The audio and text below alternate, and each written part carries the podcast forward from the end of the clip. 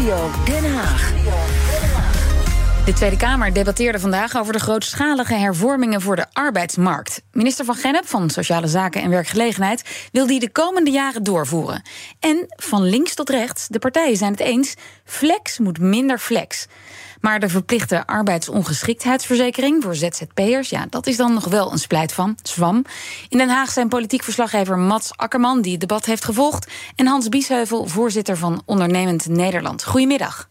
Goedemiddag. Goedemiddag. Mat, die hervorming hè, voor de arbeidsmarkt. Ja, dus iedereen was het heel, heel prettig eens met elkaar vandaag. Ja, eigenlijk wel. Hè. Ze zeggen allemaal die doorgeslagen flexibilisering moeten we vanaf. Vier op de tien werknemers die werkt met een flexcontract. Nou, dat moet veel meer weer vast gaan worden. Dat was een van de belangrijkste conclusies van de commissie Bordslap die de arbeidsmarkt heeft onderzocht.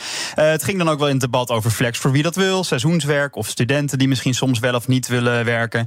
Maar uh, over het algemeen was er een brede consensus. En Van Gennep, de minister, zegt ook logisch dat er breed draakvlag is. Want deze plannen zijn niet in isolatie gemaakt. Daar hebben we met alle belanghebbenden over meegepraat. Vakbonden en werkgeversorganisaties hebben echt hun volle steun uitgesproken voor dit pakket. En dat blijkt ook uit natuurlijk de publieke mededeling daarover... van zowel Ingrid Thijs, van Hans Biesheuvel ook... waarin zij zeggen, dit is nodig en wij staan erachter um, dat dit moet gebeuren. Ja, Hans Biesheuvel, u werd genoemd, dus u steunt de plannen volgens de minister. Ja, nou, ik ben blij dat de minister me genoemd heeft. Maar ja, dat ging toch vooral over dat rapport Borslap. Hè. Ik bedoel, dat rapport hebben we inderdaad eh, aan meegewerkt. En de heer Borslap heeft een keurig verhaal neergelegd en gezegd: ja, je moet ophouden met cherrypicken. Je moet eigenlijk al die uitdaging die arbeidsmarkt in één keer aanpakken. Uh, dus nou, daar ben ik het ook heel erg mee eens. Uh, en hij heeft ook gezegd, je moet ook echt wat gaan doen aan die wendbaarheid van werkgevers. Het is niet alleen dat flex minder flex, maar ook dat vast moet wel minder vast worden. En dan moet je echt ook wel ferme stappen zetten. Nou, die ferme stappen die ontbreken nog echt een beetje in het plannen van het kabinet. Dus ja, eens met de conclusie van Borslap. Maar ik zie de uitwerking van de minister nog wel heel veel verbeterpunten voor die wendbaarheid. Waar gaat het dan mis volgens u? Nou ja, kijk, weet je, als je een klein bedrijf bent en je moet twee jaar loon doorbetalen bij ziekte. en met alle reïntegratieverplichtingen en wet poortwachten erbij. dat is voor heel veel werkgevers gewoon een, een te, veel gevraagd. Hè. Dus daar nou, doet een heel, heel klein stapje. Maar daar zou ik zeggen, daar moet echt veel meer nog gaan gebeuren. En wat voor mij nog heel onduidelijk is: van ja, wat doe je nou als het in die economie een keer wat minder gaat? Hè? Dus we hebben het nu met coronatijd meegemaakt. We hebben het meegemaakt vorig jaar na de inval in Oekraïne. Dat je heel snel ineens moet schakelen, dat je wendbaar moet zijn als economie. Nou, daar hoort, horen een aantal instrumenten bij. En ja, daar heeft ze wel iets over gezegd, maar dat moet allemaal nog uit worden gewerkt. Dat moet allemaal nog in wetsvoorstellen komen. En daar vind ik ook in de beantwoording op de vragen van, van, uh, vanuit de Kamer nog uh, heel erg vaag. Maar ik herinner me dat er wel in het rapport van de commissie Borstlab stond ook iets over een crisisregeling. Dat als er bijvoorbeeld zoiets als de Brexit gebeurt en een uh, tulpenkweker heeft opeens veel meer, minder export, dat hij dan een dag minder zijn werknemers hoeft uit te betalen. Dat hij 20% kan uh, korten. Dat is toch vrij wendbaar? Zeker, alleen dat moet dan ook wel echt uitmonden in een, een heldere wet voorstellen, hè, een heldere wetten. Want anders is het niet werkbaar. En aanbevelingen zijn mooi, maar het gaat uiteindelijk om ja, hoe gaat het in de praktijk uh, geregeld worden. En daar vind ik de minister de uitwerking nog heel onduidelijk. Dus mijn oproep aan haar is ook van, nou, prima dat je het noemt, maar werk het nou heel duidelijk uit. willen we ook graag over meedenken, hè, want het is een belangrijk instrument, ook voor die weerbaarheid van de economie. Kijk, we dachten vroeger, we kunnen vijf tot tien jaar vooruitkijken. Nou, soms kunnen we niet eens meer vijf maanden vooruitkijken. Met alles wat er in de wereld gebeurt. Nou, dat is nou eenmaal een gegeven, daar moeten we ons zelf op instellen. Nou, daar horen dit soort dingen gewoon bij. Ja, maar dat is dan meer een uitwerkingsissue. Ja, maar de devils in het detail. Hè. Kijk, uiteindelijk zien we toch in Nederland dat er heel veel wetten worden bedacht die in de praktijk heel moeilijk uitvoerbaar zijn. En dat geldt ook hiervoor. De devil zit echt in het detail. En er zijn ontzettend veel vragen. Die zijn ook door de Kamerleden vandaag gesteld. En daar was nog weinig, vond ik, samenhangend antwoord vanuit de minister. Dus ik, daar is echt nog heel veel werk te doen. Ja, Mats, even naar de andere ondernemers, de ZZP'ers. Want er is minder enthousiast gereageerd op de verplichte arbeidsongeschiktheidsverzekering voor de ZZP'ers. Waarom?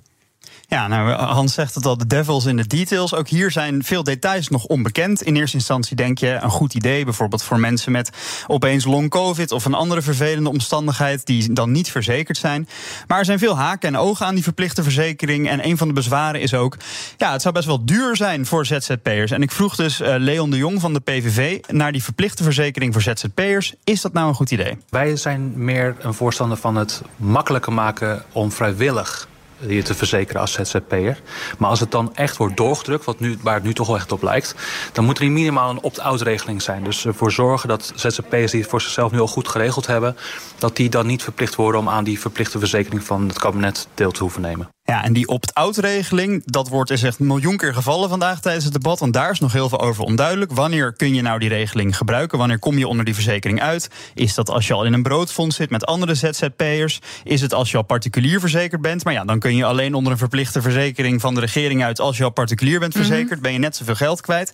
En dan is er ook nog eens het probleem dat überhaupt voor deze verplichte verzekering zijn er niet genoeg keuringsartsen bij het UWV aanwezig. Dus ja, veel bezwaren en haken en ogen bij dat plan nog. Ja, Hans Biesheuvel, u bent ook niet zo'n fan hè, van deze verplichte verzekering. Nee, en ik voorspel je, die gaat ook niet komen, want het is onuitvoerbaar, eh, zeg maar. Het is op papier, klinkt het allemaal goed, maar het is niet uitvoerbaar. Daar ben ik eigenlijk wel van overtuigd, ook na gesprekken met bijvoorbeeld het UWV. Waar ik een voorstander van ben, en ik praat dan gewoon de heer Borslap na. Ik heb hem een paar weken geleden nog ontvangen in de Nieuwsport hier in Den Haag, waar Mats en ik vlakbij staan. En daar hadden we arbeidsmarktpoort georganiseerd en daar sprak de heer Borslap en die zei, ja, maak nou gewoon een uh, voorziening voor alle werkenden, hè, voor arbeidsongeschiktheid, net zoals we dat met pensioen doen, met de AOW. Dus gewoon een volksverzekering voor arbeidsongeschiktheid voor alle werkenden. Nou, daar ben ik een voorstander van. Het is niet die verplichte verzekering voor alleen ZZP'ers, maar regelt het nou gewoon voor alle werkenden. Dan want de minister zegt ook steeds: ik wil die verschillen verkleinen tussen werkenden en ZZP'ers. Uh, ZZP'ers ja. En hier ga je dan weer een groot verschil maken. Dus ik, ja, ik snap dat ook niet helemaal, die richting. Ik zou zeggen: volg nou het advies van Borslap, die volksverzekering voor alle werkenden. Maar Hans, denk je dat dat dan wel te betalen is voor de ZZP'ers? Nou ja, kijk, als we het dan met z'n allen aan meebetalen, wordt het dus goedkoper, ook voor die ZZP'ers. Hè, want nu moet je je voorstellen, moet je straks 225 euro per maand gaan betalen. Voor een voorziening waarvan je niet zeker weet of het gaat werken en of je er ooit gebruik van kunt maken. Want ja, als de UWV het moet uitvoeren, maar die kunnen het niet uitvoeren, ja, waar, hè, wat, wat betekent dat Ja, dan dus, eigenlijk? dus u zegt 225 euro eigenlijk, per maand? alle werkenden, dus iedereen die werkt, betaalt werk verricht, gelijk. Ja, en Hierin. dat doen we ook met pensioen. Hè. Kijk, we hebben met pensioen al, al, nou, ik weet niet wanneer de AOW is ingevoerd, maar ik geloof in de jaren 50 of zo. Hè. Ehm, hebben we al, kennen we dat systeem al dat we met z'n allen meewerken aan die, wat we dan heden, die eerste pijler. Iedere Ja. Nederlander heeft in ieder geval een paar honderd euro elke maand als hij met pensioen gaat aan, eh aan Ja, die parallel heeft dat? u eh, getrokken, inderdaad. Ja. Over Hans Borstlap gesproken. Wij spraken op de dag dat Van Gennep haar plannen, plannen voor de arbeidsmarkt eh, bekend maakte, op 3 april, met Hans Borstlap. En toen zei hij dit over haar de plannen. Werkgevers en werknemers die springen ook over hun eigen schaduw heen hè, met dit akkoord. Kijk, een werkgever die wil misschien het liefste zoveel mogelijk flexibiliteit. Als je er goed naar kijkt, is dat alleen op korte termijn misschien lucratief, maar op langere termijn niet. Nou, daar springen ze nu overheen. En werkgevers erkennen met dit akkoord dat niet alle flex eh, goed is, maar dat je dat ook moet reguleren. Ja, Hans de, de werkgevers zijn over hun eigen schaduw heen gesprongen. Bent u net zo positief? Nou, kijk, ik ben positief over het idee dat we met z'n allen hè, die arbeidsmarkt toekomst eh, bestendig moeten gaan inrichten. En het kan niet alles blijven zoals het is. Ik ben ook niet voor al die draaideurconstructies en mensen die hè, van het ene draaideurbaantje naar het andere gaan. Daar ben ik helemaal met de heer Borslap eens. Daar moeten we echt een andere richting met elkaar inslaan. Maar we moeten ook beseffen dat ja, die voorspelbaarheid van de economie, de voorspelbaarheid van ontwikkelingen, hebben we nou de afgelopen drie jaar hè, aan de lijve allemaal mee kunnen maken. Ja, die is gewoon heel ingewikkeld. Dus die weerbare, wendbare economie is ook belangrijk voor Nederland. En dat, ja, daar moeten we een goede balans in vinden. En Mats, wat zei Van Gennep eh, in het debat over het tegemoetkomen aan de werkgevers?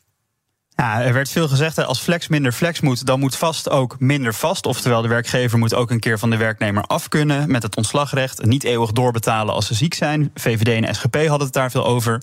Eh Karim van Gennep kreeg in het debat dus ook veel de vraag: doet u wel genoeg voor de werkgevers? Nou, daarop antwoordden ze volmondig. Ja, met loondoorbetaling bij ziekte, wat echt een ingrijpende maatregel is. En daarnaast, zoals ik eerder al zei, de inzet om het basiscontract onder de lage WW-premie te laten vallen, plus de premie voor overwerk te verlagen, dus de werkgeverspremie voor overwerk te verlagen, komen we echt op een plek uit dat werkgevers meer wendbaarheid hebben. Nou, die wendbaarheid, Hans Biesheuvel, die heeft de minister voor u geregeld.